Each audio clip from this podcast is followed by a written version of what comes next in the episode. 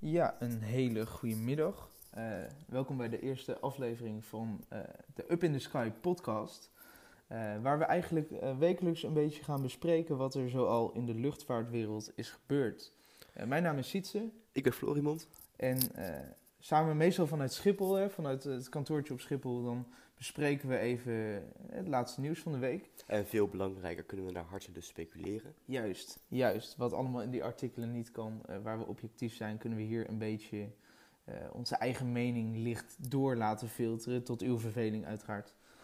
En, eh, nou ja, goed. En, en het idee is eigenlijk een beetje om, om wekelijks zo richting het einde van de week, op zaterdag of op zondag, een podcast te gaan publiceren. Waar we eigenlijk met de redactie, dus in dit geval wij twee, ehm, een deel van het nieuws gaan bespreken van de afgelopen week.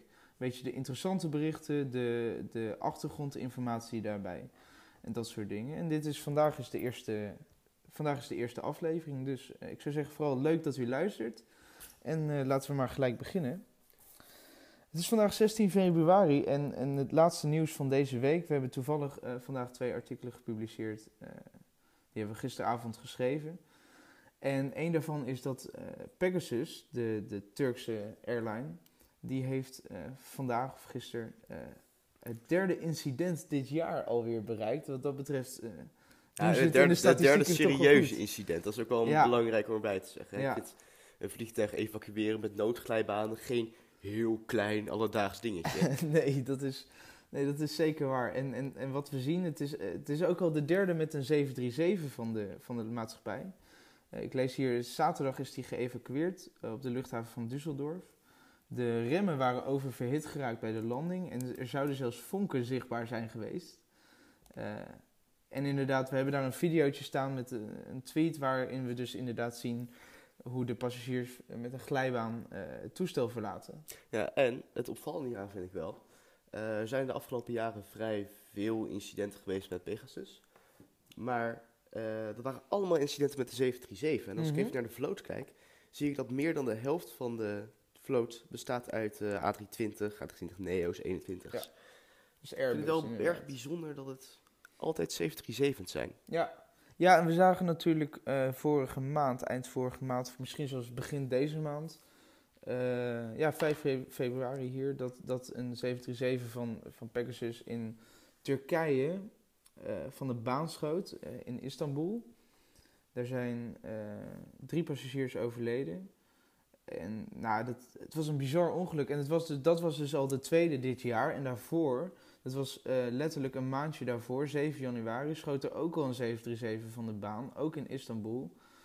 Ja, je gaat je toch eigenlijk afvragen van, eh, is het nog veilig om met zo'n maatschappij te reizen? Want je ziet inderdaad dat, dat er bij die 737's eh, lijkt het toch wel een probleempje te zijn. Ik weet niet of het in het onderhoud zit of dat het in de training van piloten zit. Wat Nou, denk jij? Ik denk, er ligt zeker iets bij de maatschappij, want dit is wel erg opvallend. Ja. Maar als je kijkt naar de hoeveelheid toestellen die van de baan schoten. Een tijdje geleden was er ook, eh, ik geloof dat het vorig jaar was, dat er eentje van de baan was geschoten en op een soort greppel was gekomen. Heel bijzonder terechtgekomen. Ja. Gelukkig iedereen er veilig uit. ja. Ehm, maar toen kwam er ook een, waren de eerste reacties ook, het was voor een deel ook de schuld van het vliegveld. Omdat de, ja zeker wat rurale vliegvelden in Turkije, waar Pegasus vrij actief is. Ja, dit is Istanbul. in Deze zijn alle drie op eh Sabiha Gökçen. Ik ben geen... ik heb geen... eh, ik kan, kan niet heel goed Turks eh, praten of Arabisch. Maar dat is dus de airport inderdaad. En, maar we hebben sowieso veel, veel incidenten op landingsbanen gezien dit jaar. Niet, niet alleen met Pegasus, maar ook in, in Iran al twee of drie. We zagen in Rusland van de week zagen we eentje. In IJsland met die storm zagen we een 757 van Iceland Air. Die was... eh, door zijn landingsgestel was hij gezakt. Ja, het is wel een opvallend iets inderdaad. Ja, het is opvallend. Ik zat toevallig een paar weken geleden, toen tikte ik het in in de zoekbalk. En toen kwamen daar, wat was het, van voor 2020 kwamen er echt drie, vier artikelen uit. Steeds een jaar ertussen. Waarbij dus een toestel van de baan geschoten was. En we zien toch al vijf, zes, misschien wel zeven dit, deze afgelopen twee maanden. Ook veel op, ehm, dat is natuurlijk niet in Istanbul het geval, maar veel op eh, besneeuwde banen. In Iran waren er twee, twee besneeuwde banen. In Rusland ook al eentje. Waar IJsland, of IJsland ook. Waarbij het dus toch blijkbaar erg glad is, waardoor je eh, van die baan weet te glijden. Maar we zien het wel echt onevenredig vaak Ja, inderdaad. en ik moet hier ook wel bij zeggen, ik heb iets meer vertrouwen in een landing op een besneeuwde Schipholbaan dan op een besneeuwde Iraanse baan. Ja, ja zou je geen denken. ja. vooroordelen, maar het is zo'n het is zo'n gevoel. Dat zou je bijna denken, ja, inderdaad. Nou, goed, verder in het nieuws. eh, vandaag, dus de zondag, was dat eh, Airbus, de, die zegt de hogere Europese vliegtuigheffingen van de VS te betreuren. De Verenigde Staten die hebben de importheffingen op Europese vliegtuigen verhoogd. eh, van 10 naar 15 procent het tarief. De, en dat is vanwege de jarenlange illegale staatssteun. Ik zeg ook eh, expliciet illegaal erbij, omdat de Wereldhandelsorganisatie dat al aan heeft gegeven van het, er is gewoon sprake van staatssteun en die staatssteun die was volgens de internationale regels illegaal. Wat wel opvallend is natuurlijk, het komt als een soort tegenmaatregelenpakket. Kijk, Airbus is niet de enige maatschappij die in dit verband staatssteun ontving, want de Verenigde Staten zelf zijn ook gewoon niet heilig. Die hebben Boeing net zo lang... Ja, maar daar, daar hebben we natuurlijk even Nee, daar hebben we niet over. Nee, nee, nee. Dus het is een puur Amerikaanse maatregel. Eh, en de WTO, de- die heeft namelijk de EU nog geen toestemming gegeven om ook tegenmaatregelen te treffen. En ver- verwacht wordt is dat die toestemming die komt waarschijnlijk rond mei of juni. En ja, het is gewoon eigenlijk te hopen dat, dat ze tegen die tijd toch een, toch een schikking weten uit te onderhandelen. Want dit, dit, dit, deze hele zaak loopt al gewoon 15 jaar. Hebben we het hier over, over staatssteunregels. Wat is wel, wat is niet staatssteun? Boeing wel of niet? Airbus wel of niet? Ja, en de VS zijn natuurlijk onder Trump daar hè, een stuk eh, actiever mee bezig, ook met China. Dus het, is wel interessant. Maar ja, maar we hadden ook al geschreven dat, dat er... Kijk, het is natuurlijk een miljardenbedrijf. Ze zijn ook Ja. niet op een eh, En gat gevallen. Airbus kan één ding heel leuk, vliegtuigen maken, maar mensen vergeten soms dat ze ook hele leuke juristen aan het werk hebben. Absoluut. En eh, die hebben, daar- hebben ontdekt dat je ook gewoon een vrijwel afgebouwd vliegtuig naar de fabriek die ze in Mobile, Alabama hebben, Mhm. kan vliegen. En dan kan je de laatste dingetjes erop zetten. En dan heb je een in Amerika gebouwd vliegtuig natuurlijk. Ja. Zonder die importheffingen van Precies. 15%. Eh, zo kunnen Amerikaanse maatschappijen naar hartelust eh toestellen blijven bestellen. Ik geloof dat ze ook met de A220's voor Delta, die werden eh, oorspronkelijk in Canada gebouwd. Nou, daar was ook wat gedoe Want het was een Bombardier vliegtuig uiteindelijk. hè, Dus het werd allemaal gebouwd in de Canadese fabriek in Maribel, als ik het goed Ja, zeg. zou wel eens kunnen, ja. Ehm. En die werden toen, toen ze al vliegend waren, naar Alabama gevlogen. Ja. En daar werden ze nog even afgewerkt. Ja. Dat was een in Amerika gebouwd vliegtuig. Ja, want En, Bo- eh, ja. Bombardier, die kreeg inderdaad, de- hè, die had eh, sowieso, het was al, het ging al jaren lastig met dat bedrijf. Ze hebben natuurlijk best wel veel vliegtuigen gemaakt door de jaren heen, maar ze hebben toch die, die burgerlijke luchtvaartlijn, de civiele luchtvaartlijn, hebben ze toch een beetje, zijn ze aan het afstoten begonnen. En die A220 was toch wel een pronkstukje van dat bedrijf, maar ze kregen het eigenlijk de VS niet in, vanwege die importheffingen. En toen hebben ze inderdaad met Airbus, hebben ze toen toch benaderd met eh, van nou, zouden jullie onderdeel willen zijn van onze deal, dan kunnen, dan kunnen ze die A220 officieel afmaken in de, de Airbus productielijn in Amerika, waardoor je dus wederom die tarieven omzeilt. Toch? Ja, ja. Ja, wat ook grappig hierbij is, dat de A220, het bestaan daarvan, is, eh, ja, het succes daarvan eigenlijk, is grotendeels te danken aan, eh, ik geloof dat het Delta was. Ja. Die had als eerste maatschappij gewoon volle interesse getoond in de, ja, toen nog Bombardier C-series. Ja. Gezegd, we willen er gewoon tegen de 100, ik geloof dat er niet zo'n 90 in bestelling hebben Ja, staan. bizar. Ehm, zeg ik dat goed? Eh, ja, 95 stuk zelfs. 95 al. Ehm, en daardoor was het opeens een aantrekkelijk vliegtuig. Ja. Het had een toekomst. Ja. Nou, Bombardier was een Ja, paar want jaar het was, daarvoor... het was inderdaad heel. Het was eerst nog een C-serie van de Bombardier. En ja, nou ja, we kennen allebei de, de geschiedenis achter de C-serie van de Bombardier. Dus er zijn weinig luchtvaartmaatschappijen die 's ochtends wakker worden en denken: Nou, ik ga nu eens een serie Bombardiers bestellen. En daar hadden Exact. ze hier ook. Maar Delta die toonde inderdaad een, een, een ja, Die was de eerste. En, onverwachte grote interesse eh, in het vliegtuig. samenwerking tussen Airbus en Bombardier voor het vliegtuig eerst een paar jaar daarvoor nog volledig was misgelopen. Bombardier het toch maar had gemaakt. Ja. Ja, schulden bij de Canadese overheid. Ja. Eh, het was een, eh, ja, een gevalletje, gaan we dit toestel overleven? Als het Ja. niet verkoopt, zou Bombardier mogelijk failliet Ja, zeker. Ja. Eh, en toen kwam Delta en toen had Airbus opeens wel interesse. Ik vraag Ja. me af waarom. Ja, want ze, ze hadden Airbus inderdaad benaderd en die had ze eigenlijk een beetje afgeserveerd van ja, we hebben hier niet per se interesse in. Want ja, die zagen waarschijnlijk ook een beetje verblind door een ja, toch wel verliesleidend bedrijf. Hè? Eh, of in ieder geval een, een bedrijf wat het een moeilijk te had. groot risico. Ja, een te groot risico, zo zagen ze het. En toen kwam Delta op termijn, wat jij zegt inderdaad, die kwam op een gegeven moment met, met nou, die gigantische interesse. En opeens heeft Airbus toen eh, alsnog gezegd, ja, ja, ja, ja, jullie kunnen natuurlijk bij ons terecht. En toen voor een hogere prijs natuurlijk. Dat, dat, zijn bij eh, Bombardier ook niet op hun achterhoofd gevallen. Maar dat is natuurlijk, ja, we zien dat het, dat, dat toestel dat loopt fantastisch. Er, ehm, we hebben toevallig deze week ook weer eh, gezien dat er een extra bestelling van 50 van die A220's bij is gekomen. Dat is van ehm, Green Africa Airways. Die hebben er 50 besteld. En het is de bedoeling, dat, ja, het is al een lange wachtlijst. We zagen ook dat Breeze Airways, die, die, dat is de nieuwe start-up van David Neleman. En David Neleman die is bekend als oprichter van eh, WestJet en van JetBlue onder meer, Azul. En die hebben destijds voor een start-up, ja, die man heeft natuurlijk een kapitaal van honderden miljoenen zelf. Die hebben als start-up toen een bestelling geplaatst van 60 van die toestellen al. En die moeten daar gewoon tot 2021 op wachten, totdat de eerste eh, A220 dan in april wordt geleverd.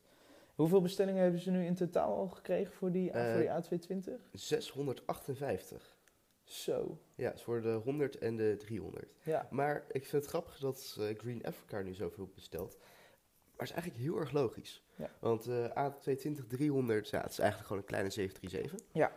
Eh, alleen is het een extreem efficiënt vliegtuig en bijzonder comfortabel vliegtuig. Want laten we eerlijk zijn, de 737 heeft vrij krappe stoelen.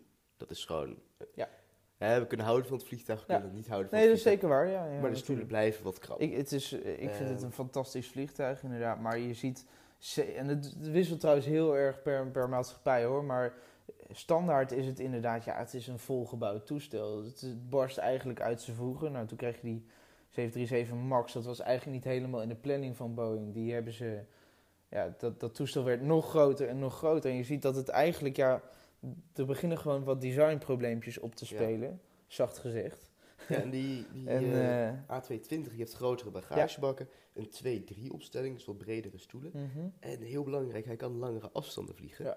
En ze efficiënt vliegen. Ik geloof dat de langste route nu van Air Baltic is, van eh, Riga naar Abu Dhabi, zo'n zes uur vliegen. Ja. En eh, hier komt ook de interesse van de Afrikaanse maatschappijen.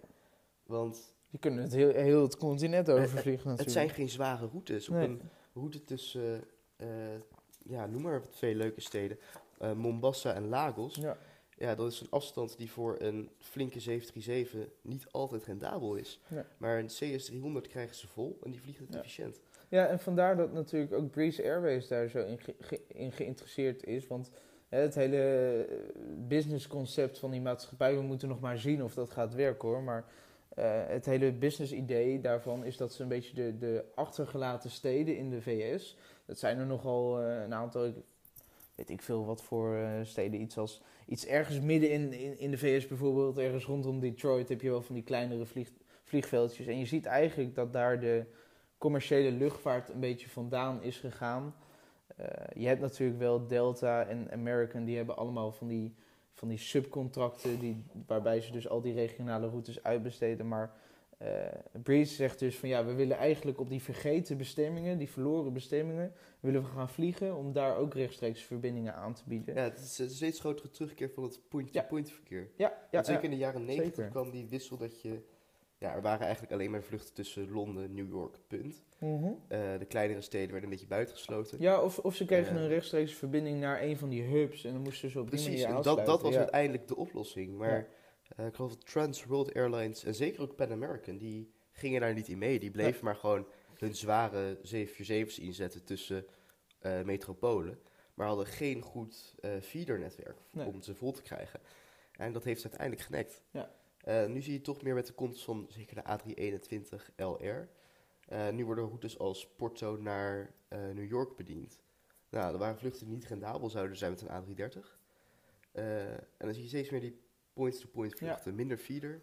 Ja, en dit is natuurlijk ook ideaal voor die, voor die routes waarbij je dus inderdaad geen, geen wat is het, 250 passagiers mee moet nemen. De- de- ik weet niet hoeveel plaatsen hebben ze in het toestel. Het zal meestal rond de 200 geloof dat zitten maximaal, toch? Nee, een stukje kleiner geloof ik nog. Ik geloof dat hij tussen de 130 en 150 blijft steken. Oh, oké. De ja. grote versie. Ja. Beetje 737, 700-achtig. Ja, ja, ja, ja. oké, nou.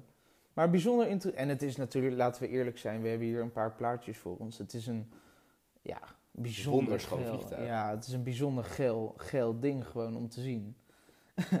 ja, ja. het is maar goed dat het, het wordt geen artikel, we mogen wat subjectief zijn. Het is echt, ik vind het, eh, kijk, die A350 was prachtig. Je ziet dat het, die cockpitramen daarvan, dat, dat, model hebben ze ook een beetje toegepast op dit toestel. En het ziet er gewoon schitterend uit. Eh, ik kan er ook eerlijk over zijn, als als je dan bij Lufthansa voor je gate staat en je ziet daar zo'n oude, overwerkte A320. Ja, En dan loop je toch iets verder die B-pier op om even bij Air Baltic te gaan kijken bij die gloednieuwe ja A3- schitterend, A220. schitterend. Ja. Ja, nee, ja, het heeft wel magisch, ja. Ja, het is een van de weinige echt volledig nieuwe vliegtuigen van Ja. de laatste jaren. Ja, en, en, en ik heb me er echt over verbaasd sinds Airbus dat heeft dus, dus heeft opgepakt dat ze, dat ze zoveel van die dingen hebben verkocht. Hè? Want het is natuurlijk, sinds het een Airbus is geworden, dat krijgt natuurlijk al wat meer eh, aandacht natuurlijk. En het past natuurlijk precies tussen, die, tussen, die, tussen de 737 en de A320-lijn past die precies in. Iedereen dacht toch wel van ja, die markt is nu wel bediend, die is vol. Maar eh, je ziet hoeveel ruimte er nog blijkbaar is voor, voor, Exact. een, voor een echt midden, klein, Ja, het- klein het- middensegment het is een beetje toestel. de- ja. Vergelijk met de Embraer 195. En dan moet ik zeggen, oh god, dat vind ik jammer dat KLM voor de 195 heeft gekozen. Wat dan? ik begrijp het, want ze hadden een Embraer vloot en het is natuurlijk makkelijk. Maar hoe leuk zou het zijn als KLM deze Airbusjes Deze deed? A220 zou je hebben. Ja, dat zou er toch wel schitterend uitzien. Ja. V- vooralsnog moeten we het doen met eh, de helden van Photoshop die er, die er een prachtig toestel op de computer van kunnen maken. Maar ik vrees dat we hem in het echt voorlopig in ieder geval niet gaan zien. Wie weet. Ja, het Wie enige weet. wat we moeten moet, moet gaan zien is, eh, ja, het zijn een paar haat-e-mails van Cityhopper-piloten. Ja. Ja. Ja, dat, ja. Ongetwijfeld. Nou, en wat we ook zagen natuurlijk in, in, in dit kader is dat Bombardier definitief uit het A220-programma is gekocht door Airbus. Hou je vast, ze krijgen daarvoor bijna 600 miljoen dollar. Eh, dit was, dit was hun laatste vliegtuigprogramma, toch? Of hebben ze de Serie nog zo? ja, volgens mij, ja, ik, ik had zoiets gelezen inderdaad dat, ze, dat, ze, dat, dat de- dit wel... De Dash 8 is terug naar de Havilland. Ja, ja. Ehm, Ik- dat gingen ze of stoppen of het ging ook weg. Daar gingen ze in ieder geval niet meer mee door. Ja. Niet zelf mee door.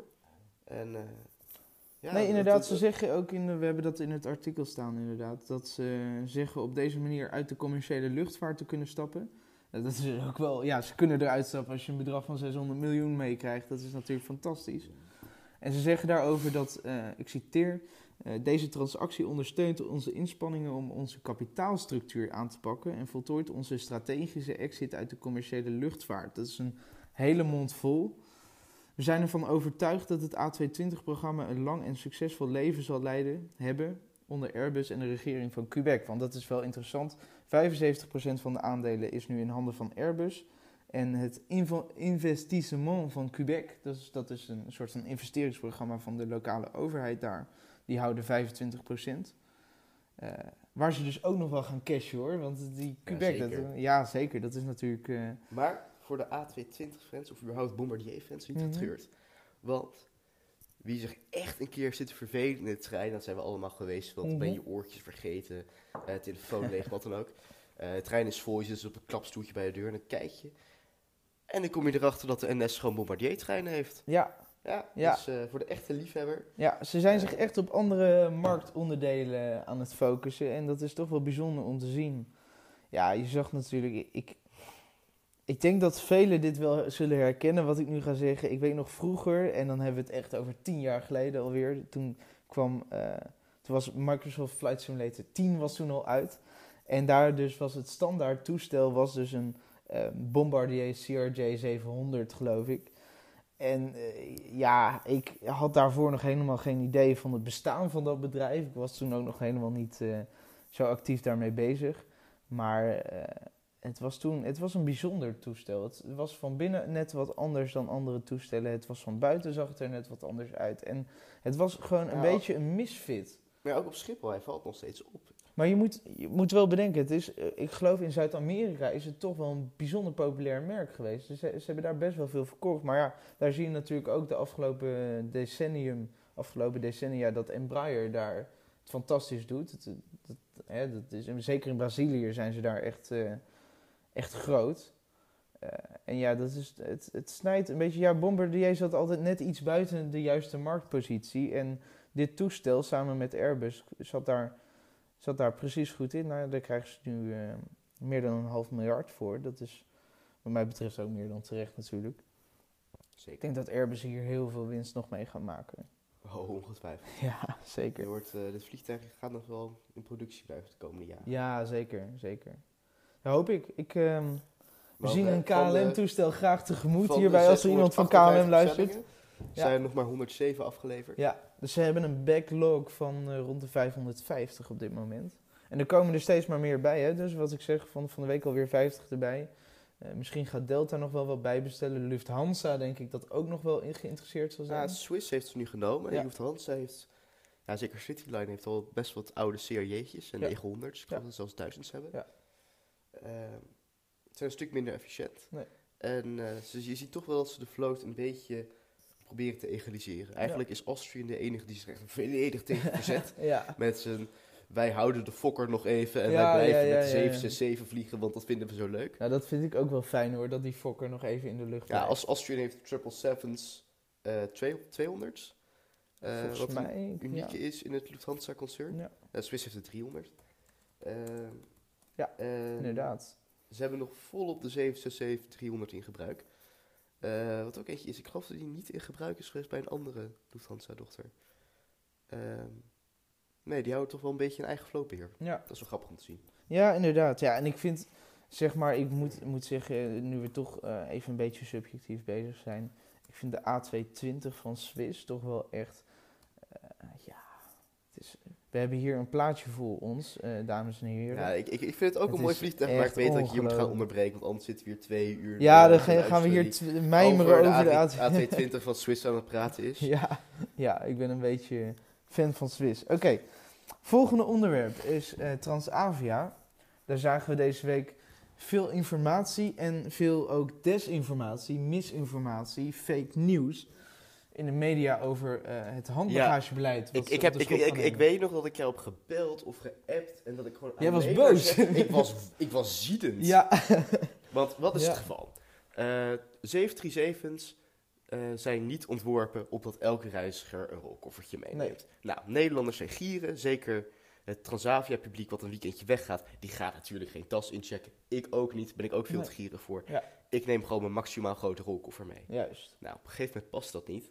Nee. Eh, ook bij de KLM zakelijke vluchten zie je dat. En dat is al jaren zo. Ik weet nog, een paar jaar geleden vloog ik met KLM eh, van en naar Madrid. En daar hadden ze ook al hetzelfde probleem. We waren toen met een hele, hele groep waren we op reis. En toen, ook toen moesten er al van die handbagagekoffers in het ruim. Omdat het gewoon simpel Ja, dat niet gebeurt op- paste. Bijna elke vlucht. Ja. Als je met, zeker als je met, eh, ik geloof dat de Embraertjes nog kleinere bakken hebben. Ja, dat klopt ja. Eh, dan moet je koffer in het ruim. Nou, dat gebeurt aan de gate en dat is, ja, dat is gratis, kost je verder niks, moet je hem wel van de band ophalen. Juist. Is duurt iets kut. langer. Duurt Ja. soms, hè, dan ben je een half uurtje soms aan het wachten maximaal. Precies. Eh, maar goed, je hebt je koffer mee. eh, uiteindelijk, gevalletje, ik zou er niet al te veel over zeiken. Eh, wat heeft Transavia nu gedaan? Eh, als je zeker wil weten dat jouw koffer meegaat in het vliegtuig, dus als het druk is en jouw ding gaat mee, dan kan je bijbetalen. Ja. Nou, dat is een plan, daar gaan ze volgende maand knoop over doorhakken. Ja. Ehm, Maar dat is dus echt alleen als je hem absoluut 100% zeker En- weten in, in, het, in je vak boven je hoofd wil hebben. Hè? En beste Nederlandse kranten, ik hoop dat jullie meeluisteren. Dit betekent niet dat je als kop kan neerzetten. Transavia laat passagiers bijbetalen voor handbagage. Ja. Dat is Nee, dat het is, geval. het beleid verandert Gewoon als je zeker niet. wil weten dat het meegaat de cabine in. En elke maatschappij, ook KLM, ook Lufthansa, ook British Airways, die stuurt regelmatig bagage het ruim in.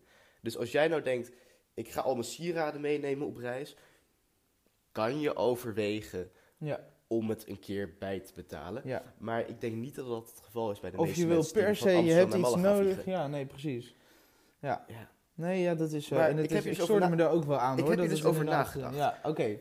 Nou, ik ga er even voor zitten. Ik ga er nu alvast bij zeggen. Ik Ja. raad niemand aan dit te doen, want dan ga ik van de verantwoordelijke zijn. Daar Ja. zou ik ook geen zin in.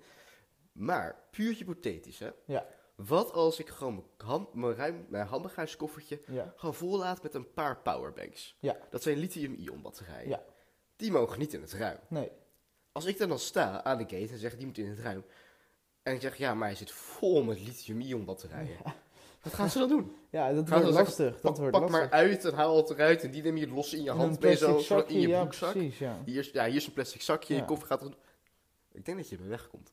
Ik vind het interessant. Ik denk ook bovendien dat de meeste mensen daar helemaal niet bij nadenken. Nee, precies, maar dit is, wel, dit is gewoon eerst wat door me heen ging. Nee, ja. Ja, want, of als ik mijn laptop naar mijn tas doe, ik geloof dat die niet in het ruim mag. Die heeft ook zo'n nage batterij. Ja, nee, ja, laptops, lastig verhaal. Dat is, eh, wisselt heel erg Ja, licht kortom, als je zegt, er zit gewoon zo'n gevaarlijke explosieve Samsung telefoon. Ik zou explosief niet zeggen op het vliegveld overigens. er zit zo'n Samsung Galaxy Note 7 was het geloof ik. Eh, ja? Die zit in mijn, in mijn koffer. Nou, kans dat je überhaupt wordt geweigerd.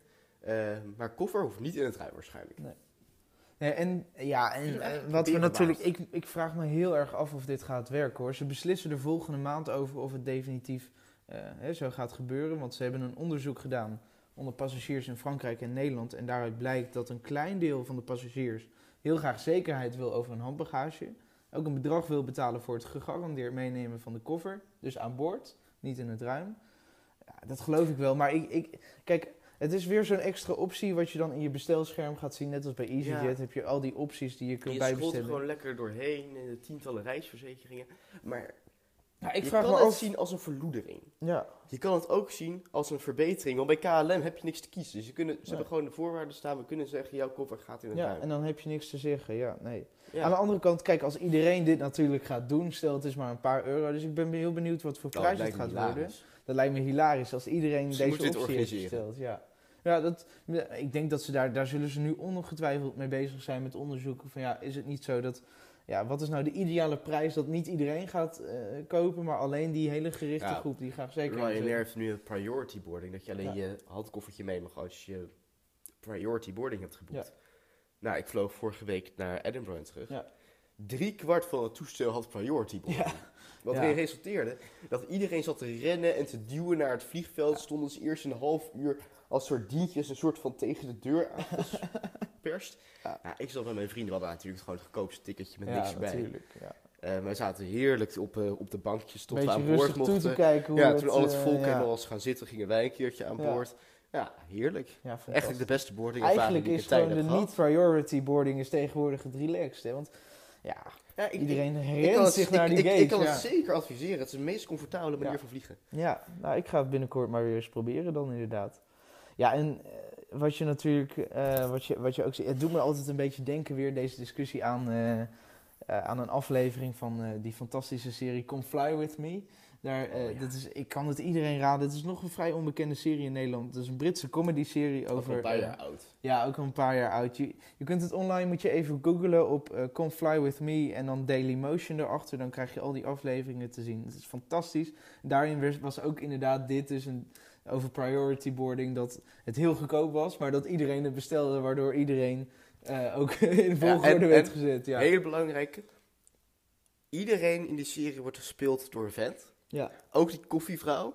Alles. En daar ben ik dus echt gewoon een maand geleden pas achtergekomen. Terwijl het al vijf jaar lang mijn favoriete ja, serie is is. fantastisch. Dus ja. ik zeg het nu alvast, de koffievrouw is een man. Oké, en we mogen in deze podcast een beetje reclame maken. Ik zeg erbij, dit is onbetaald. Ook de A220 was onbetaald. Wellicht in de toekomst kunnen we daar gewoon geld voor gaan Ja, vragen. Als jullie ons willen sponsoren, Ja, juist. eh, stuur gewoon Bel. een mailtje. ja, bel. Nee, nou ja, goed. En eh, ik zou zeggen tegen iedereen eh, die hier naar luistert, u bent ongetwijfeld luchtvaartfan, ga luisteren, of ga het kijken, die serie Come Fly With Me, Dailymotion, in Google. Goed, volgende blok.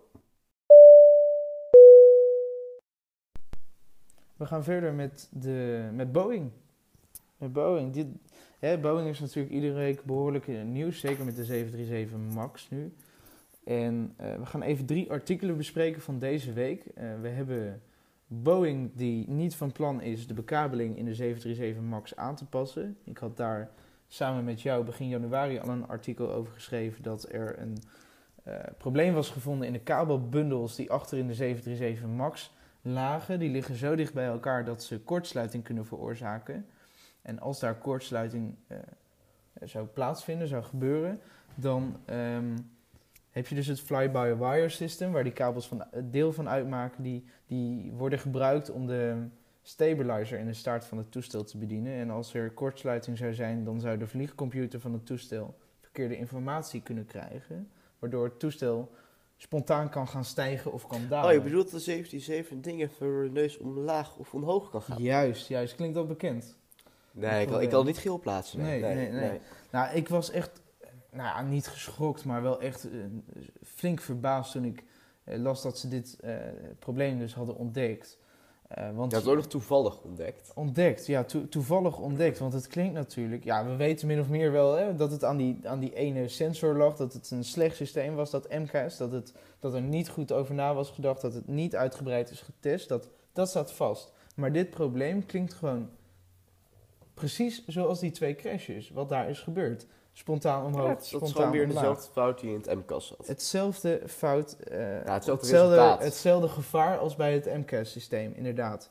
En we lezen dus vandaag of uh, gisteren dat Boeing niet van plan is om die bekabeling, waar we dus over hadden geschreven, aan te passen. Om het dus te gaan verleggen. En ik, nogmaals, we mogen een beetje subjectief zijn in deze podcast. Ik vind het uh, echt schandalig dat je, als je zo'n problematisch toestel hebt ontwikkeld eh, dat dat in zo'n haast is gebeurd, dat nu alles aan de grond staat, al maandenlang, dat je dan niet alles eraan wenst te doen uh, om ervoor te zorgen, niet alleen qua techniek, hè, maar ook in de beeldvorming in de media, dat je er alles aan doet om dat toestel veilig te maken. Kijk, ze zullen vast zelf een onderzoek hebben gedaan uh, waarin ze zullen hebben geconcludeerd van ja, de, de kosten wegen niet op tegen de baten, maar juist dat is, de hele probleem, dat, dat is het hele probleem geweest bij de ontwikkeling van dat toestel, van die 737 MAX.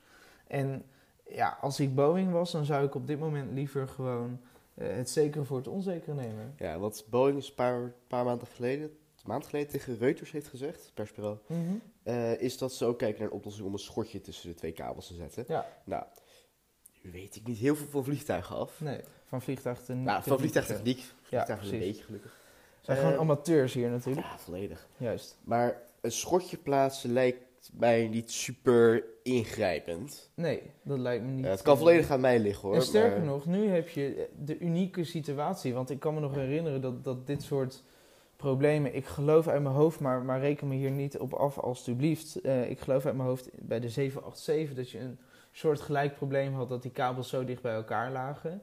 En uh, daar hebben ze toen ook niet, niets mee gedaan. Nou, dat toestel vliegt nog steeds veilig rond. Uh, maar bij de 737 MAX heb je de unieke situatie dat al die toestellen aan de grond staan. Ja. het, is geen, het is niet veel moeite om. Het is, laten we het zo zeggen, het is op dit moment de minste moeite om zoiets te doen. Omdat je niet al die luchtvaartmaatschappijen hoeft te uh, contacten van... ...joh, kunnen jullie uh, deze en deze dag deze vliegtuigen aan de grond houden? Dat kost veel geld. Op dit moment staan ze al stil. Het is een unieke situatie. Dit is het moment om zoiets te gaan doen, zeg maar. want uh, stel Airbus zou dit probleem hadden, hebben op een van de toestellen... ...dan zouden ze van zo'n scenario bijna dromen... ...dat die toestellen al aan de grond staan. Zonder enige actie zonder exact. enige vluchten. Ja. ja, die heeft de FW aangegeven de, het voorstel Boeing uh, deze week heeft ingediend ja. uitvoerig te onderzoeken. Ja. Ik mag aannemen dat ze dit keer wel uitvoerig onderzoeken wat ja. Boeing voorstelt. Zeker, ik hoop uh, het. Ehm, dus we zullen het zien. Ja, we zullen het zien. En het was diezelfde FAA die deze week heeft uh, gezegd dat de testvlucht van de 737 MAX nabij is.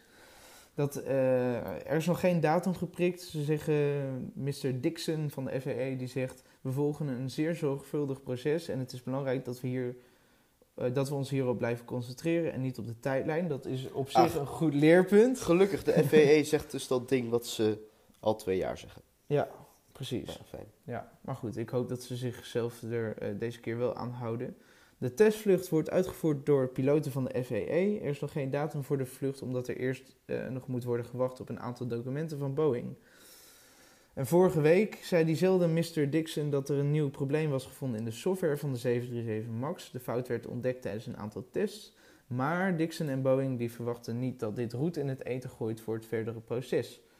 Vorige maand werd dus ook al een nieuw probleem uh, ontdekt waar we het zojuist over hebben gehad. En dat zijn die die kabels. Maar goed, we wachten de testvluchten af. We, we zullen dat toestel langzamerhand weer een beetje rond zien vliegen op de radar.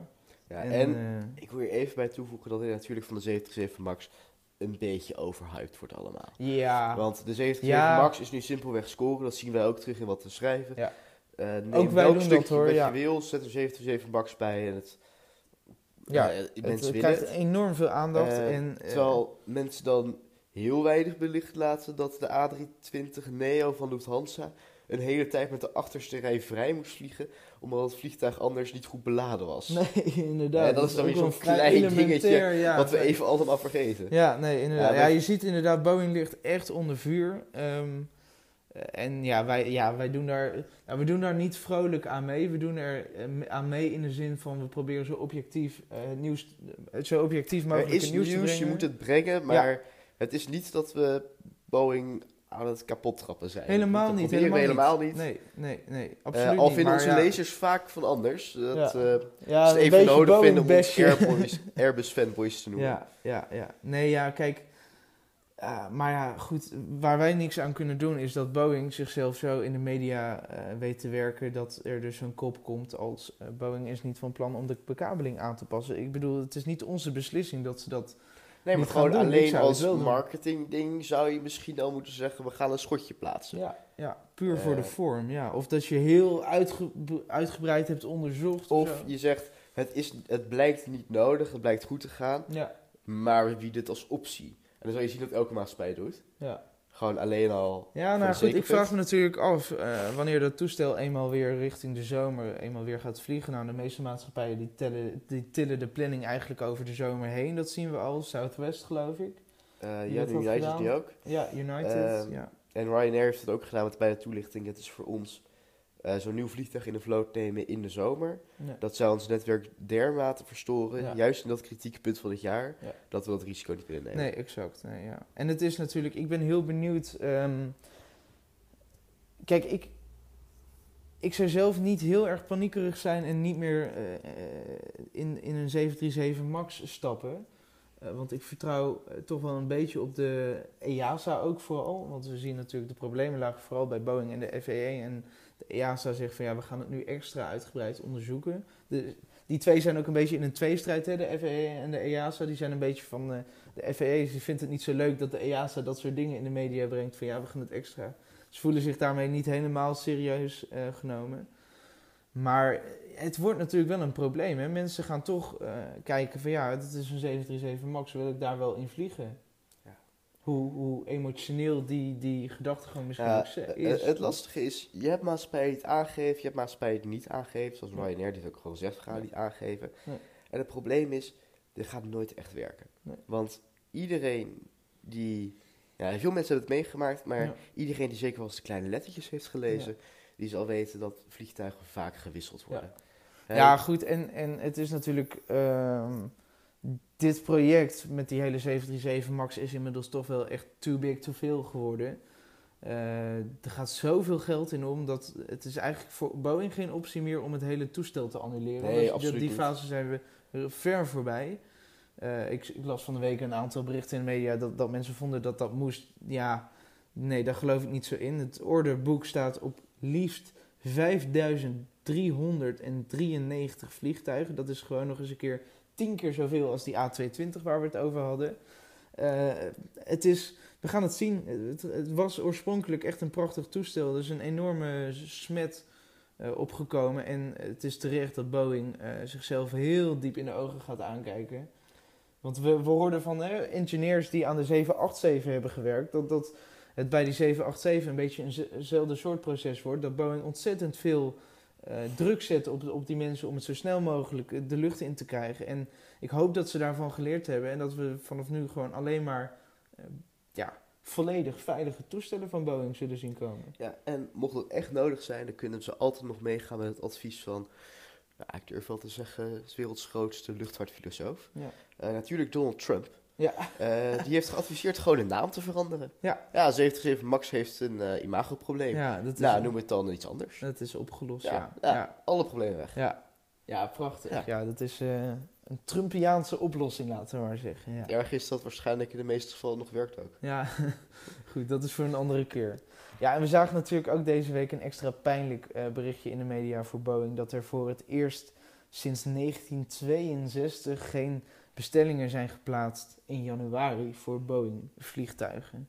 Voor de hele lijn aan, aan toestellen die ze in productie Zoals ik begin niet te denken dat we iets tegen Boeing hebben. Maar ja, Ja, weet je, we ja willen best, wordt nu wel stemming we maken. willen ja, best ja. iets positiefs zeggen, Ja, maar het, ja. het wordt ons niet heel makkelijk gemaakt. Nee, ik vond, het toch wel, ik vond het toch wel nodig om dit even mee te nemen. Want het is, ja, het is Ja, wel het is gewoon opvallend. bijzonder. Ja, het is opvallend en bijzonder, bijzonder pijnlijk. Maar ik heb er wel vertrouwen in dat ze hiervan gaan leren. En dat ze... We zien natuurlijk Airbus, die pl- plukt echt gigantisch de, de vruchten hiervan. Een hele corruptiezaak is eigenlijk een beetje onder de radar gebleven. Omdat iedereen een beetje bezig met, is met Boeing-bashing. Laten we het zo maar noemen. Eh, ze hebben gewoon voor eh, miljarden dollars, ik geloof rond de 4 miljard, hebben ze een, eh, een corruptiezaak in, in drie landen afgekocht. En dat blijft toch een beetje ja, onderbesneeuwd, zou ik wel willen zeggen. Ja, aan de andere kant. ja. handig. ja, nou ja, goed, dat, dat doen ze bijzonder handig. En Airbus, die, die, die ja... de- hoe Je zou dat? bijna denken dat ze goede juristen hebben. Ja, Oh. daar hebben we het al over gehad. Goed, dat eh, voor zover als Boeing. We gaan hier denk ik de komende weken en maanden nog heel veel over terug eh, horen, over, op terugkomen. We gaan langzamerhand die testvluchten zien. We gaan zien, KLM heeft natuurlijk nog helemaal geen 737 MAX ontvangen, toch? Of al wel eentje? Nee, toch? Max hebben ze überhaupt niet besteld. Nee, maar die, overwe- die overwogen ze natuurlijk wel als opvolger van de Ja, 737 natuurlijk de meest logische stap is voor een Ja. 737 Ja. operator. En we zagen de, eh, in de media, in de Telegraaf, een artikel van Iteke de Jong... waarin KLM toch een beetje druk uitoefent op Boeing... dat ze zeggen van we overwegen de A321. Ja. Ik Het, geloof eh, daar niet het, in, Het is nog wel erg speculatief, maar maatschappijen doen dat wel er- vaak Ja. om druk uit te oefenen. Op Dan moet je een beetje kunnen doorheen kunnen, kunnen kunnen ze een betere deal krijgen. Ja. Ja. Ja. Maar zo is die hele kan. 737 MAX natuurlijk ontstaan... doordat een van die Amerikaanse maatschappijen... die heeft toen in de media gezegd... ja, we gaan eh, de 737, de opvolger van de 3 737 gaan we bestellen. En Boeing had toen nog helemaal geen plan. Die waren echt overrompeld... En eh, zo is dat hele toestel tot stand gekomen. Vandaar dat het in zo'n klein eh, tijdsbeslag moest met de nodige problemen. Maar goed, ja, da- daar hebben ze ongetwijfeld van geleerd. Ze laten zich niet meer opjagen. En eh, daar komen we straks nog wel even op terug naar een ander puntje. We gaan even door naar het korte nieuws van deze week. We gaan even drie koppen bij langs. Eh, de minister eh, zegt dat er van achterhouden van informatie omtrent Lelystad Airport geen sprake is. Dat zegt minister Cora van Nieuwenhuizen in een Kamerbrief naar aanleiding van berichtgeving in de NOS. Van de NOS. De NOS meldde vorige week dat het ministerie vorige zomer in het geheim en met spoed nieuwe stikstofberekeningen heeft laten maken. En dat die resultaten niet gedeeld zouden zijn met de Kamer. Maar de minister die ontkent dat, die zegt we hebben geen enkele informatie achtergehouden. Ja, het is een bijzonder treurig project eigenlijk aan het worden. hè. Ja, eh, ik, vind het- ja, ik ben hier zelf best wel tegen Lelystad. Ja. Ja? Ja, ik vind het een onnodig project. Ja. Het breidt een andere luchthaven uit. Ja. Ik heb afgelopen week eens via Eindhoven gereisd. En ik moet zeggen, het was geweldig. Ja. Alles was mooi, strak, modern, nieuw, Ja, soepel. Snel. Veel betere ervaring dan Schiphol. Ja, ik zeg het Schiphol, want ik haat jullie A-terminal. ik haat het. De Het is A-terminal voor mij van echt Schiphol. een reden. Om niet, via, om niet met Lufthansa partner, maar als bij van Schiphol te vliegen. ja, nee. Want ik vind het gewoon zo jammer. Ja. Waarom moet het er zo uitzien? Neem bijvoorbeeld een Eindhoven. Nee, Lelystad, ja, Maar ik vind, ja, het is toch ik- wel weet je, het is een luchthaven. hoor. Die dan, Schiphol heeft dan leuke uitspraken gedaan dat ze een station erbij willen aanleggen. Ja. Nou, ik zie het niet en zo snel afslag gebeuren. van de A6. En afslag naar het eindigt dus dat je met de snelbus vanuit Lelystad kan gaan. ja, prachtig. Ehm, nee, ja, ja. en dan komen er, wat drie vluchten per dag in het begin. Nee, en, en, en de minister zei ook al eh, eerder, eh, een paar weken geleden, een paar dagen geleden, zei ze al van eh, dat eh, Lelystad zou eigenlijk in dit najaar dan eindelijk open moeten gaan na jaren uitstel. Eh, dat gaat nog niet gebeuren, zei de En- minister. Het is onwaarschijnlijk, was de termino- terminologie. Maar laten we niet het allergrootste Lelystad vergeten. Want het hele idee achter de luchthaven is vakantievluchten overnemen van Schiphol. Ja. Nou, iedereen die, ja, niet zozeer iets van eh, rechten weet, maar iedereen die gewoon een beetje logisch kan nadenken, ja. die kan bedenken, dat gaat maatschappij toch niet zomaar Nee, laten gebeuren. gaat niet zomaar. Nee. eh, naar Lelystad blijkt, verhuizen. De Europese zo. Unie zegt ook, je mag maatschappijen niet dwingen om naar Lelystad te gaan. Nee, kijk, en we weten natuurlijk allemaal een beetje tussen de regels door... is het natuurlijk de bedoeling dat, dat KLM en andere grote Amerikaanse maatschappijen... een beetje vrij spel krijgen op Maar Schiphol. het is de bedoeling dat Corendon naar Juist, Lelystad gaat juist. en Transavia naar En ik moet zeggen, die, die, de, de baas van Corendon, dat is een buitengewoon eh amabele man. eh, hoe die zich profileert bij een vandaag en dat soort programma's. Die, de- ze zijn helemaal niet per se een soort van dwarsligger in dat hele project. Maar ze zeggen wel van ja, wij willen niet... Ze gaan zich niet uit ze hebben weg het al moeilijk. Nee, nee, nee En dat is logisch. Ja, Ze gaan niet hun positie laten verslechteren ten opzichte van TUI, KLM, ten behoeve van. KLM of zo. Nee. Nee, nee, nee. Volledig groot gelijk. Ja, ja, ja. Eh, dus nee, wat eh Lelystad uiteindelijk is, eh, een nieuwe hub voor Ryanair. ja. Nou, Ja, we gaan het Vind zien. ik leuk, kan ik goedkoper naar Londen vliegen. Ja. Dan kunnen die Eindhoven-piloten weer bij Ryanair aan de slag. Oh, wat leuk. Hier gaan we toch ook Zullen we met plezier doen. Ja, we gaan wel eens een keer een uitgebreide Lelystad Airport special maken met een, met een interview en dergelijke. Maar dat is voor nu even eh, te kort. We gaan verder met het andere korte nieuws. We zien dat de Chinese fabriek van Airbus geleidelijk aan weer open gaat in Tianjin, als ik het goed uitspreek. De fabriek werd gesloten ten gevolge van het coronavirus. En we zien dat de productie langzamerhand eh, weer eh, wordt goedgekeurd door de Chinese autoriteiten. Dat coronavirus, we zagen ook van KLM die, die echt winstwaarschuwingen afgaf. eh, die we echt in jaren niet hebben gezien. Van Ja, kijk wat uit, voor fortuin te veel. verdienen ze ook met die vluchten naar China? Ja, Ze hebben belachelijk veel bestemmingen en als je kijkt naar de prijzen... ja, dat is... Nou, een, een economisch toertje lukt je nog wel, maar als je met business class KLM naar China wil, Nee, dan moet je... is, eh, word je niet vrolijk van. Nee, dan, dan moet je een andere baan eh, zoeken als redacteur zijnde op dit moment. Ja. Ja. Ja. Ja, feit. Goed, andere korte nieuws is dat de A330 eh 800 van Airbus certificering ontvangt van de FAA en de, van de EASA. Wat een verrassing. Ja, echt een verrassing. Ze he- het, het toestel heeft eh, het programma van 370 vluchturen in 132 vluchten doorstaan. Er is geen enkele eh, sprake van neerstorten of iets dergelijks. Niet? Niet. Oh, wat gek. Nee, het vliegbereik is 13,8 kilometer. Dat is toch wel behoorlijk. Dat is wel ja, fors. zeker. Ja, is plek voor 220 tot 260 passagiers in drie klassen. Of 460, 406, excuus, 406 reizigers als er alleen de economy class wordt gebruikt. En wat vind ik het jammer dat het vliegtuig zo weinig wordt besteld. De 900 wordt gelukkig wel meer Ja. besteld. Is ook te zien Het is Schiphol. wel een mooi vliegtuig hoor, Ja, absoluut. Laten we eerlijk zijn. Hier gaan mensen weer denken dat ik bevooroordeeld ben. Ja. En eh, alleen maar fan ben van Airbus. Ja. Maar ik zoek mijn lange afstandsvluchten er altijd op uit dat ik in een A330 of A340 Want? vlieg. De stoelen zijn zoveel breder. En je zit met 2, 4, 2. Dus Ja. je, zit, je hebt niet... Weet je, als je met z'n tweeën reist, wat ik dus meestal doe... Mhm. Dan heb je altijd, en dan zit je zo gezellig. En dan zit er altijd die zure peer aan het, aan het gangpad. Ja. En die gaat of zeuren dat je je raampje dicht moet doen. Ja. Of hij valt meteen in slaap. Of hij neemt je armleuning in, mag ik die ook eventjes kwijt? Hij neemt, Ja, het- ja. hij neemt altijd mijn armleuning in. Maar hij valt in slaap, maar ook in zo'n positie dat je er niet overheen kan. Maar het is nog Nee. een vlucht van 10 uur, dus ja. je, kan- je kan er niet overheen. Nee. Maar je moet toch echt naar de wc. Want, ja, dat is toch wel fantastisch gedaan hè, in die A330. Ja, Ja. ja, moet ik zeggen, absoluut. sommige maatschappijen vliegen hem in 333. Ja. Eh, Air Asia, ik geloof dat Thomas Cook dat ook deed. Hmm. Nou, Thomas Cook is, geluk- is failliet. Ik ga niet zeggen dat het daardoor is, maar ik hou voor mezelf vol dat dat denk het ik ook niet. Ja. Oké, dan geloof ik je op je woord. Goed, tot slot dan de rubriek duurzaamheid. Haakt nu niet af, lieve luisteraars, want het is Dit schijnt ook een belangrijk ding te Ja, zijn. we, gaan, eh, we, hebben dus een rubriekje duurzaamheid. Eh, dat hebben we bedacht. En we hebben deze week zo waarlijk een echt interessant duurzaam artikel.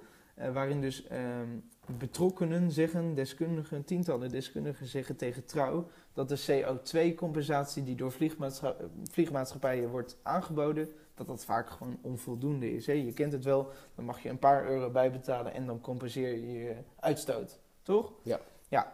Nou, eh, tientallen deskundigen zeggen dus dat dat onvoldoende is. De, volgens trouw is het dus... De compensatieprojecten zijn gericht op de uitstoot van CO2, terwijl de schade aan het klimaat veel breder is dan alleen die CO2-uitstoot. Ja, maar daarom heet het ook CO2-compensatie. Ja.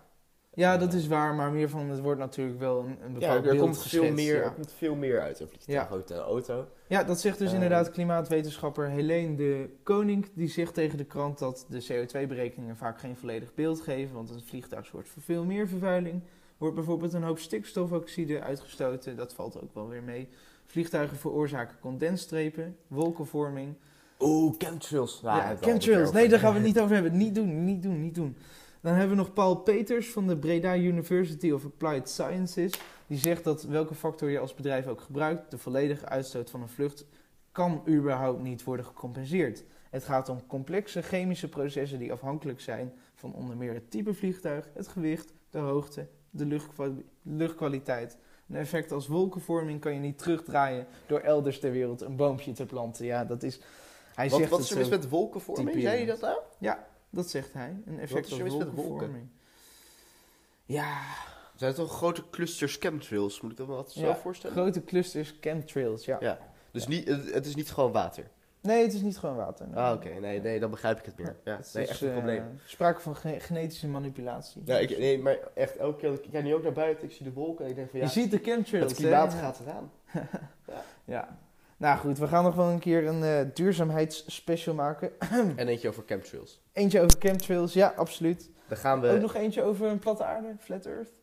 Ik denk dat we wel iemand kunnen vinden die en in chemtrails gelooft en in de platte aarde. Ja. Ik denk dat het heel interessant wordt. Nou, dat gaan we doen. Daar eh, gaan we u Vooral eh, heel grappig. van harte mee vermaken. Goed, dat voor zover dan de eerste aflevering van de Up in the Sky podcast.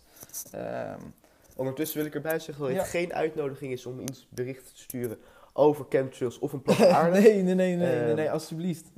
Spaar ons. Dan moeten we weer een heel, heel nieuw e-mailadres aanmaken. Ja. Hebben wij ook geen zin in. Nee, nee, nee, nee, nee, nee. Nou, wie weet ooit. Eh, ik zou vooral willen zeggen, hartelijk dank voor het luisteren. Ik zeg er ook bij, dit is een extra lange podcast, omdat dit de eerste is. We hebben vrij veel te bespreken. Het was, eh, qua nieuws was het echt een erg drukke week, toch wel. Eh, Nou ja, drukke zondag, zaterdag helemaal was niks. Nee, zaterdag helemaal niks, maar zondag druk. En eerder in de week ook wel druk, begin deze week, maandag en zo. Eh, vanaf nu, hè, we zullen proberen toch wekelijks die podcast in de lucht te houden. De bedoeling is dat de uitzendingen dan ongeveer 20 tot 30 minuten eh, gaan duren. Dat is voor u ook allemaal wat prettiger. Dan zit u niet een uur met ons opgescheept. En als u nog, nog suggesties heeft, nog opmerkingen, klachten, eh, wat dan ook, gooi het in de comments. Gooi het in de comments op Facebook, Twitter, waar dan ook. Stuur ons een mailtje via de prachtige website upinthesky.nl. En dan eh, zullen we daar wat mee doen. We zullen antwoorden, we zullen het lezen, we zullen het meenemen. Ja, en ook als u tips heeft van nieuws dat we hebben gemist en u wilt iets aan de redactie laten weten. We lezen ze daadwerkelijk allemaal. Ja, ook via Facebook. We lezen alles wat er binnenkomt. En eh, we doen er ook eh, vaak genoeg wat mee. Ja. Dus ik zou zeggen, laat het vooral weten. En voor nu heel erg bedankt voor het luisteren. En graag tot de volgende keer.